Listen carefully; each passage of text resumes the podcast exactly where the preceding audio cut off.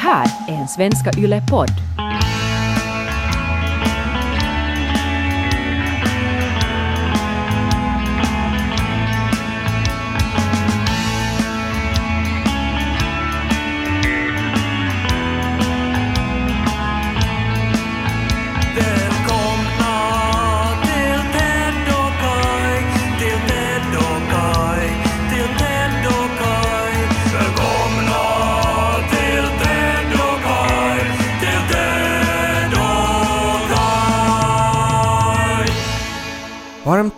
Välkomna till Ted och Kai-podden avsnitt nummer 191. En palindrom, eh, det här 191.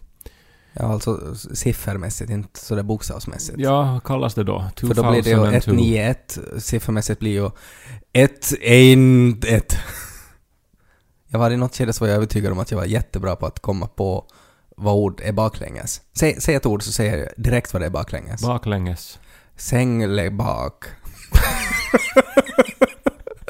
Säg ett till ord. Men det kan ju Ja, men säg, bli till, bak. säg ett till ord! Dubbelsäng. Gensebull. Men så du har tränat då på sån där? Nej, det var hela grejen var att jag inte tränade alls utan jag bara gick på känsla. Att det är så, där, så fort någon säger ett ord, för det finns ju människor som kan göra sådär. Och jag var helt övertygad om att jag är också en sån. Säg ett till ord. Åbo domkyrkoförsamling. Ganifam. Men det var ju ett tag när sån där liksom var, var det bästa som fanns på TV. Ja. Alltså innan det fanns talangprogram som var så här uh, mega som över hela världen. Att Mm. all, alla länder gjorde dem och det var det största som fanns. Så fanns ju såna här små program Med med människor liksom, som jag fick briljera. Men där det fanns någon sorts, ofta en nörd från Mm. något hö- hörn av landet då, som hade Mm. blivit liksom intågad till Helsingfors. Ja. För att han kunde till exempel dricka Coca-Cola eh, med massa kolsyra i. Ja. Eller kunde till exempel då säga ord snabbt baklänges. Kan vi bara lyssna, alltså för det är ju det här klassiska klippet med den här ena killen som ska dricka kokis, jättemycket kokis på jättekort tid och så bara plötsligt så orkar han inte. Ja, det är ju ett av de bästa klippen i finsk TV-historia. Ja. Olli Hokkanen, Suomen ennätysyritys. Puolitoista litraa kokista mahdollisimman nopeasti. Paikoillenne valmiit. Het!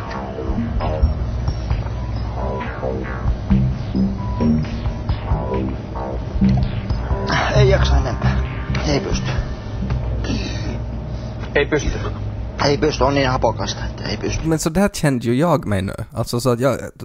Jag klarar inte av att säga det baklänges. Jag trodde jag skulle göra det, men det blev fel. Men tränar du alltså då? nej, Som, nej, nej, det var bara att jag, jag vaknade en morgon och så fick jag en sån här känsla att det här är en talang som jag har. Att jag kan se, jag, jag kan liksom höra ett ord och så kan jag direkt säga vad det är baklänges. Och, och jag gör det sådär helt intuitivt utan att liksom tänka. För det skulle nog vara ändå någon sorts eh, kraft som visar att din hjärna är funtad på något annat sätt. Ja, och jag, och jag trodde på något sätt att hela den här grejen att jag inte koncentrerar mig, att jag bara säger det som först ploppar upp. Så det skulle sen visa sig att det var sant, men det var det inte. Och kaffe. Efak. Kai Korkea-aho. Och krea, ja. Uuden purmu Som talar sitt så popna popcorn Så börjar vi Popnu denna popcorn Så börjar vi Lys på Ted och Kai Det känns ju som att det är ett specialavsnitt av Ted och Kai-podden idag. Och det är ju för att vi just nu befinner oss i ett eh, hotellrum i Åbo. Ja, och tittar ut över det uppgrävda torget. Mm. Vi är på en skolturné, vi besöker eh, skolor i Åboland hela veckan. Och eh, det är ju alltid annorlunda när man inte är i sin vanliga studio. Mm. Nu är den här räddad av Herren, den här inspelningen. Ja. För när man ska sätta upp mikrofonerna och börja inspelningen så har man ju ett bord och en inställning man är van med. Ja, och våra poddmikrofoner så passar sig perfekt till grytor och kastruller. Man sätter en kastrull och så sätter man poddmikrofonen på. Och så är det bara att börja prata. Ja. Men här finns ju inga kastruller. Nej, ingenting. Och du försökte sätta en roskis ja, allt under. för stort. Enormt. Mm, och jag hittade nu någon bok, men det, det var inte tillräckligt. Allt för liten. Men så hockar jag att det är ju ett hotell. Det finns ju biblar i varje rum. Ja. Så nu har vi två biblar under våra mikrofoner. Mm, och det gör att vi kan prata. Ja, sponsrad av Herren. Ja, ja räddad kanske Vi är denna vecka sponsrade av Herren. Kom ihåg att älska din nästa. Det skulle vara roligt om han ibland skulle kunna sponsra någon produkt. Ja, Alltså, jag tycker han om någon, eftersom det nu handlar om vägen, sanningen och livet, Mm. så borde han ju vara mån om att sponsra det som folk lyssnar på. Alltså nu har ju folk slutat gå i kyrkan och lyssna Mm. på präster. Ja, Folk lyssnar ju på poddar idag. ja, Så Herren borde sponsra en podd. ja, Vi kan väl genast säga då att eh, vi har båda två sett filmen Joker. ja, det kan vi säga. Den mest omtalade filmen just nu. Slog alla rekord i helgen. Ja, eller det var väl ett sånt här oktoberrekord. Most sold box office weekend. Oktober, tror Ja. jag det var. Men i alla fall, re recensenterna ganska delade. Uh, Mm. Endera hyllar man den och älskar den, eller så tycker man att den är väldigt uh, överreklamerad. Jag är väl på något sätt bara glad, jag tycker jag, att superhjältefilmer på något sätt har den här statusen idag. Att man kan göra en superhjältefilm som ändå omtalas sådär mycket som just den filmen. Nej men det är väl de, är det inte alla de här, Marvel, alla de här är ju de mest eh, sedda filmerna. Jo, jo, jo, men inte omtalade. Alltså, de är ju inte, var det inte Martin Scorsese som hade väl sagt nu i en intervju att uh, alltså, en superhjältefilmer inte, enligt honom inte räknas som film? Ja. Att nå, det är mer som en rollercoaster. Han fick ju ungefär lika mycket kritik som när jag sa att bilder på hundar inte är konst. Mm. Och eh, Det kommer jag ihåg. Det var den Martin Scorsese moment. det var det. Mm. Och ja, lika lite som Martin Scorsese har ångrat det han sa, så har ju jag ångrat det jag sa. Ja. Eh, Men det här, det, det, är, det är ju sant att, alltså nu handlar ju ofta de där actionspäckade serierna, som ju absolut förstås är filmer, men nu handlar det ju mera om underhållning än Så om att man vill eh, berätta någonting om hur det är att vara människa. Ja, jag tycker väl bara att det är på något sätt självklart att, att det är så. Så därför tyckte jag att det var en onödig kommentar av Martin Scorsese i det här fallet. Säger man Scorsese, eller Scorsese, eller Scorsese? Jag är mer intresserad av vad det blir baklänges. Escosor nitram. Märker du? Det kommer direkt, kommer det. Noll betänketid. Och så blir det... Escosor betyder ju att det skulle börja på R, hans Ja, efternamn. Nej, men det är just det att det är nästan rätt. det är inte helt, inte helt rätt, men nästan. Ja, men vi kan väl här nu då genast eh, säga att vi eh, rätt så bra representerar kritikerna nu i den här frågan om Jokern. Ja. Att du gillar filmen väldigt starkt. Ja, jag tyckte, alltså det är ju av två orsaker tror jag. Den största orsaken kanske att jag hade, för mig var det inte någon hype kring det. Jag hade inte tittat på någon trailer, jag hade inte läst någonting om den. Eh, jag var bara sådär att ja, nej men det där verkar ju intressant. Eh, och så har jag alltid på något sätt tyckt synd om DC, alltså de som äger då Batman och Stålmannen och, och sådär, för att det går så dåligt för dem i jämförelse med Marvel. Eh, och, och sen av den andra orsaken var då att jag har alltid tyckt om Batman och The Joker. Och jag har alltid också haft en förkärlek för origin stories, alltså att hur eh, en superhjälte blev till en superhjälte, eller supervillain. Så, så det var liksom två saker som gjorde bara att nej, men jag tyckte att det var bra. Mm, Jag då igen var ovetande om liksom vad kanon säger om The Joker och om Mm. Vem Batman. är Batman? Nå, jag vet ju vem Batman är. Jag har sett de här filmerna som har... Mm. Som ju görs ändå väldigt ofta nog. Lite Ja. för ofta till och med. Ja. Och eh, lite för många har spelat Batman. Mm. Men Batman är alltid sexy, tycker jag. Så därför ser jag ju de här filmerna. ja. Och eh, jag hade ju sett trailern. Det var ju en fantastisk trailer. Jag gillar Joaquin Phoenix. Han är ju nog alltså... Sa jag Phoenix? Ja, jag vet inte. Joaquin Phoenix, vad blir det baklänges då? Exinopf Nuokwai. Direkt kom det.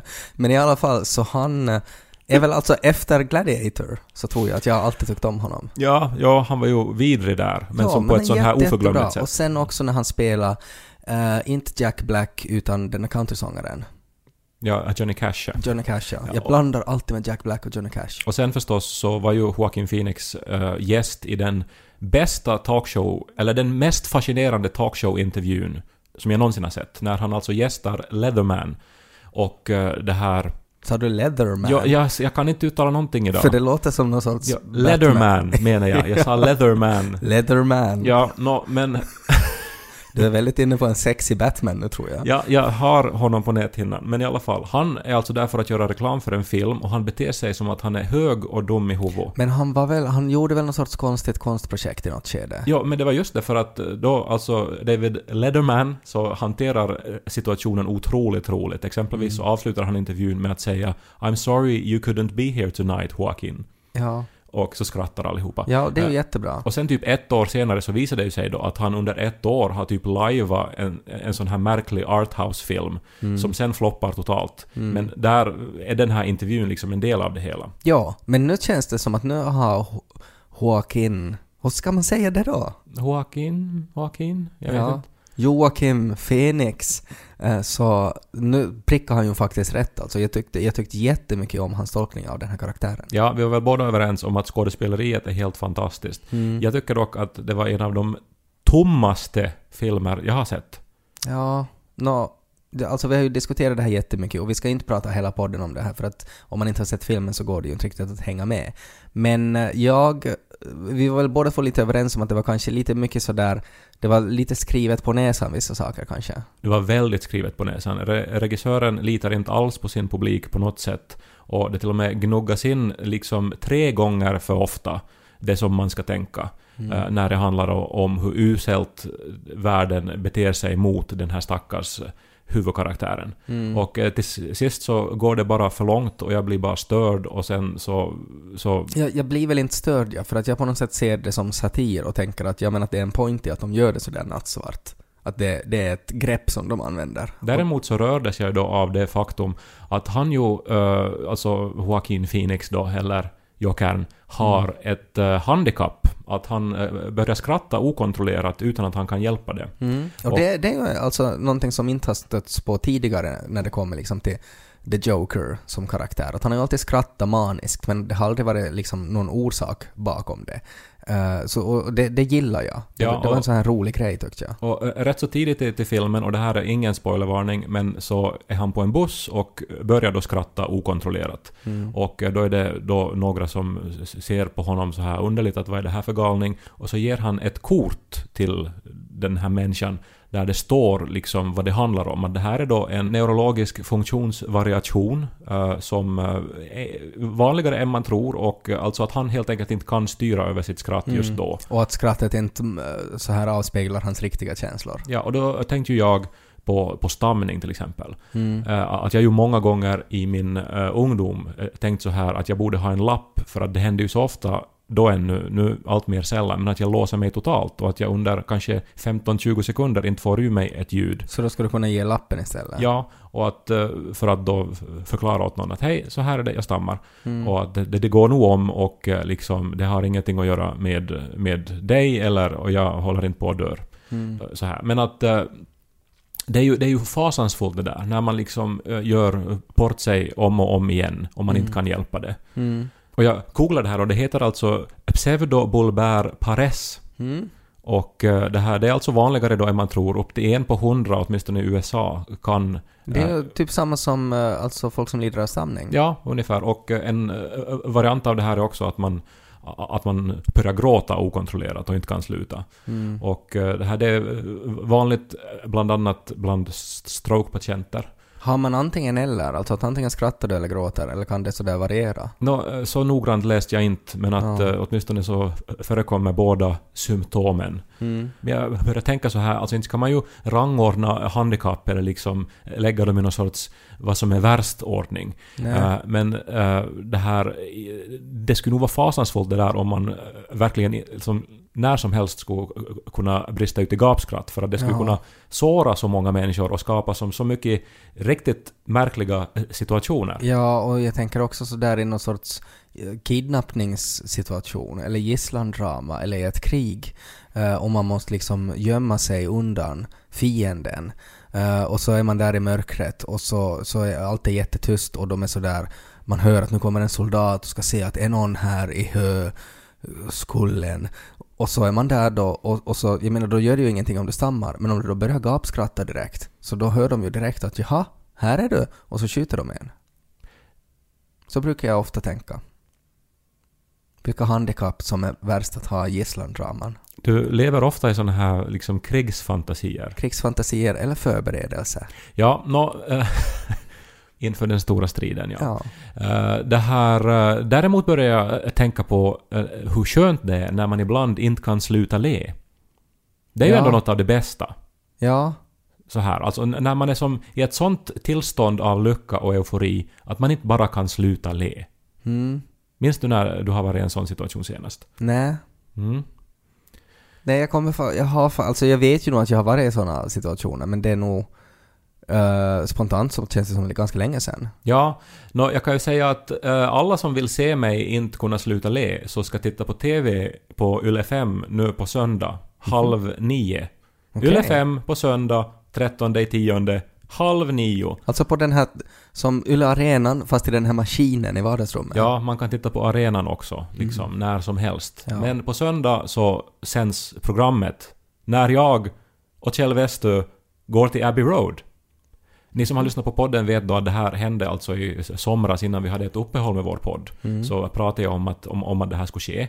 Ja. Och att jag skulle då få besöka mitt Mecka. Ja, du har varit med i ett TV-program helt enkelt. Där man parar sig ihop med en random kändis och så ska man eh, göra någonting tillsammans. Men nu var det ju inte random kändis, det var ju Kjell fucking Westö, alltså Finlands mest framstående författare. Typ.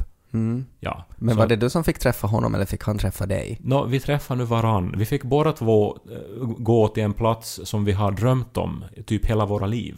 Ja. Abbey Road Studios i London. Alltså den här musikstudion där de bandade in Beatles. Ja, Beatles har spelat in där, Pink Floyd gjorde många av sina skivor där, och alltså hundratals artister. Radiohead, U2, Elton John, Adele, Lady Gaga, liksom typ allihopa har någon gång varit där. Och, och sen har det gjorts jättemycket filmmusik där också. Men varför får ni dit då? Bland annat alla Star Wars-filmer har de spelat in Har det spelats in där? Ja, ja, ja. John Okej. Williams har stått där och dirigerat. Mm. Och Lord of the Rings och Harry Potter och Indiana Jones. Spelats in i Abbey Road. Häftigt. Mm. Nu blev du lite ändå. Ja, när det där Indiana Jones, det, det, det tycker jag är spännande. Jag visste inte att John Williams också spelade in det. Ja, Raiders of the Lost Ark är gjord i Mm. Abbey Road Studios. Häftigt. Och eh, då, då var det alltså många gånger när jag inte kunde sluta le. För att det var så coolt att vara där. Nå, det var ju en otrolig... Eller för att Kjell Westö kittlade dig hela tiden när ni gick upp för trappan. Om jag ändå får leda dig genom några situationer här nu då. Okej. Först var det ju alltså då när jag fick samtalet. Mm. Eh, och eh, det ringde alltså en TV-producent till mig i, i slutet av våren Mm. och sa då att skulle jag ha lust att komma till Abbey Road Studios och spela in en Beatles-låt? Och då sa du då, vet du inte att Beatles inte finns något mer och att de kan inte bara ta in nya medlemmar sådär bara? Nej, det sa jag inte. Nej. Men jag kunde inte sluta le. Sa du då, vet du vad Beatles är baklänges? Slitheb.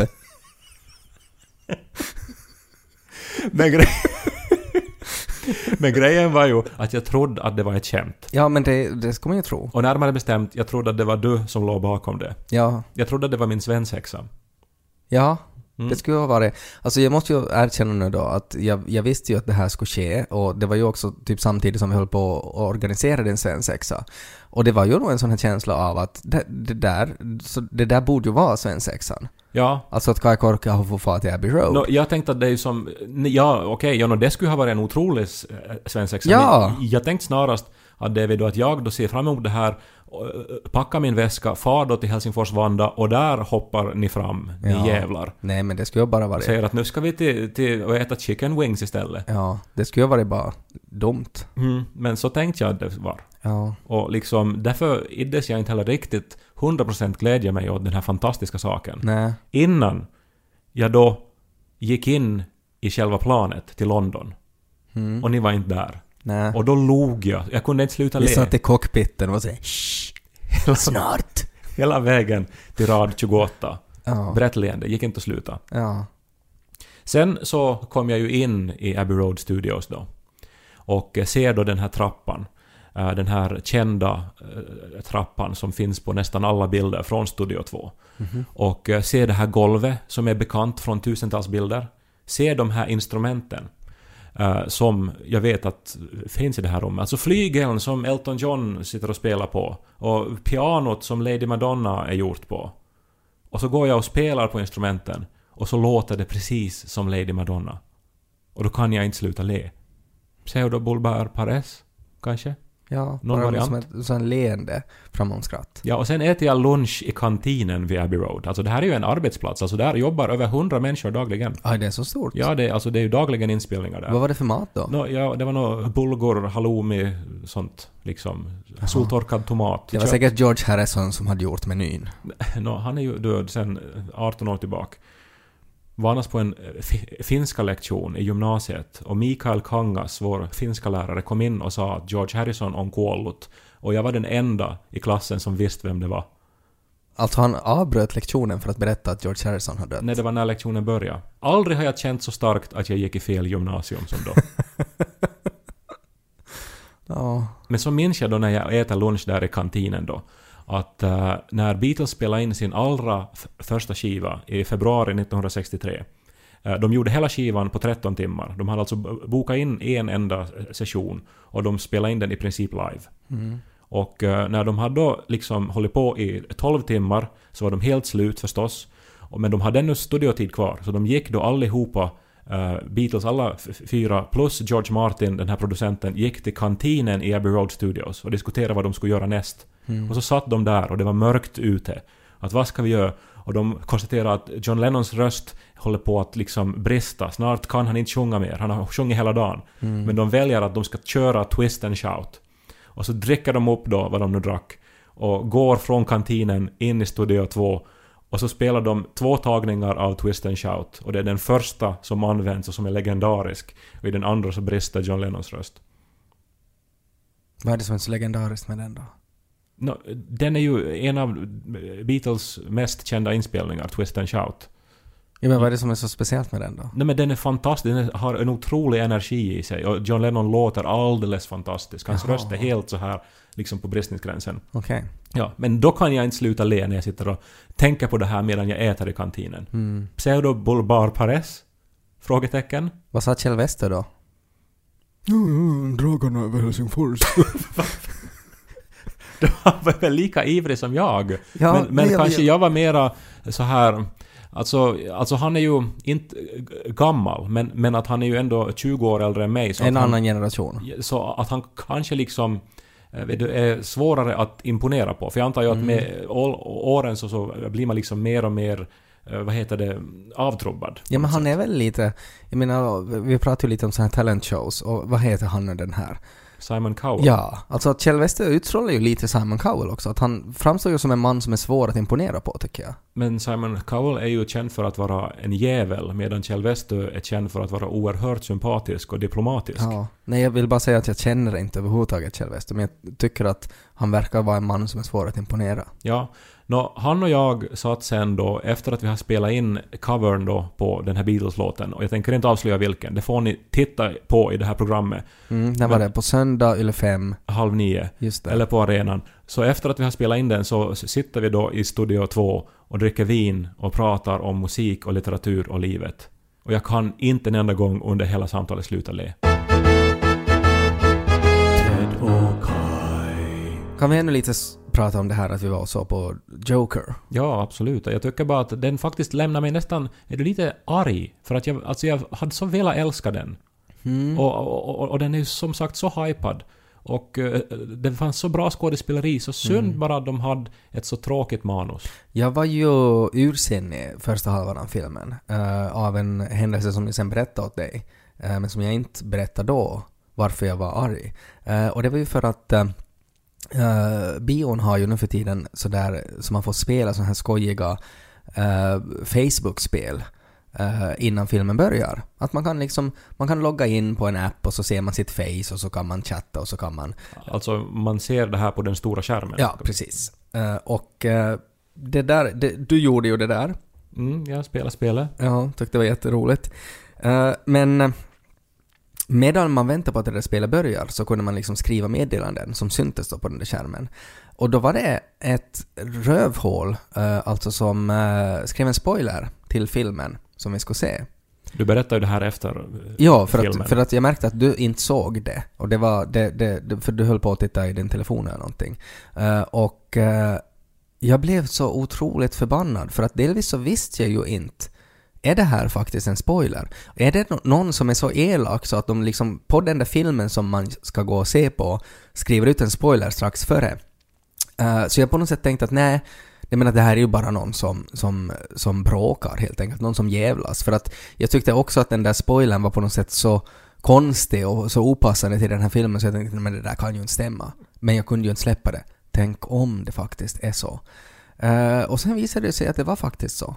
Det är nog ofattbart. Ja, det är det. Och det var ju inte, alltså, det var inte en sån här spoiler som på något sätt avslöjar eh, om, om det var någon twist i slutet eller sådär, men att det var ändå en ganska stor grej som, som på något sätt sådär uppdagades eh, efter att man hade sett ungefär halva filmen. Eh, och det är väl mer på något sätt den där attityden, alltså det psykologiska i att ett asshole sitter där i publiken och bestämmer sig för att nu ska jag potentiellt förstöra det här för de andra som sitter här. Men en grej är ju också att man var ju tvungen att logga in då via Facebook eller någonting för Mm. att eh, så, så att säga identifiera sig till det där Mm. spelet. Så det borde ju ha synts hans namn och ansikte Ja, också förnamn. bredvid spoilern. Mm. Men du liksom la inte märke till det då? Nej, för jag var så arg och, för att, och sen måste jag koncentrera mig på att inte se på den där skärmen ifall det skulle eh, komma flera grejer. Men det är märkligt det där, för att jag satt ju alltså ungefär 10 centimeter ifrån dig då Mm. när det här hände. Mm. Och, och, och du har nu då alltså blivit så arg att du inte har kunnat koncentrera dig under första halvan av filmen. Mm. Och jag märkte inte ens att du var arg. Nej, Alltså, eh, det här är ju... men jag är som Hulken, alltså hemligheten att jag alltid är arg. Så att sen när man snappar så är det inte så stor skillnad. Ja, men när, när blir du så arg att det liksom märks på dig? När Ja. blir du grön? Nej men för att där koncentrerar jag ju mig också att det inte skulle märkas på dig för att då skulle det potentiellt kunna förstöra också för dig. Att du skulle kunna fråga Ted varför du sa arg. Och så skulle jag säga "Nå, för att det kom en spoiler. Och Ja, så, nå, så skulle jag ha gjort. Jag, jag skulle inte förstås ha avslöjat spoilern om inte du skulle ha sett den. Men jag skulle ju just ha som sagt varför jag var arg. Mm, Och möjligen till och med, alltså om jag skulle ha varit ett, ett tillräckligt stort fan av filmen så den skulle ha betytt tillräckligt mycket, rest Mm. mig upp och skrikit att vilken satan var det som skrev det där? ja. Jo, alltså det var ju det som övervägde. Jag tänkte också sådär i något skede att när jag var som argast så tänkte jag att ja, sen när filmen är slut så kommer jag att, att gå och kräva att få pengarna tillbaks. För att om de har ett så här idiotiskt system att man, att eh, idioter kan spoila filmen som man betalar då en ganska ansenlig summa för, jag tycker det har blivit dyrt att få på bio. Eh, Så då, då ska man inte eh, utsättas för sånt där, eller ens potentiellt utsättas för det. Ja, alltså det är kanske en dålig idé att ha en chattfunktion Ja. som alla i salongen ser. Överlag, det är ju det, det dummaste med bio är ju andra människor. Man borde ju få liksom eh, betala lite mera och så ska man få sitta ensam i salongen. Men det där är ju också på ett sätt, och, och, och nu vet jag att det här inte är 100% sant. Men i allmänhet, när vi tidigare pratade om vad Martin Scorsese sa då om att superhjältefilmer då inte är riktiga filmer. Mm. Så alltså det som han ju också menar är att ofta eh, i de här riktigt känsliga me- mästerverken som till filmer så de går inte att spoila med en, på, en rad. För de, alltså de bygger inte på någon sorts överraskande intrigvändning. Alltså det, det finns också otroligt bra filmer som har mycket intrig i sig givetvis. Till exempel The Sixth Sense. Du menar Eh, att, det ska, att en film kan inte vara så simpel, att det kan vara några ord som på något sätt påverkar hur man ser på den? Ja, no, alltså det som, jag, jag tror att Martin Scorsese menar som riktiga filmer är ju de som mera då handlar om, om sådana här långsamma insikter och Mm. inte liksom överraskande twists. Nej. Nej, det kan hända. Men jag tycker ändå inte att man kan på något sätt sätta värde på filmer i det, för att det är så subjektivt. Mm. Det, var, det är väl på något sätt också det att, att när Joker ju i princip handlar då om en man, alltså Joker då som är missnöjd med hur han blir behandlad av samhället och hur samhället ser ut, så blir det på något sätt så konkret där när jag satt där och det var en idiot som spoilade filmen, så var det sådär att ja, men är det så här samhället ser ut? Jag menar det är också en scen där som Joker säger i filmen att why can't everyone just be nicer? Uh, ungefär. Och, och det är väl kanske det man tänker på, att kan man inte bara vara lite schysst, lite snäll? Jag kan citera Alice Cooper här. Jag tycker han har många sanningar. You can burn my house, you can cut my hair. You can make me wrestle naked with a grizzly bear. You can poison my cat, baby, I don't care. But if you talk in the movies, I'll kill you right there.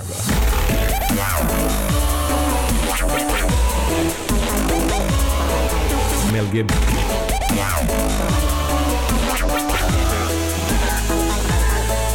Household.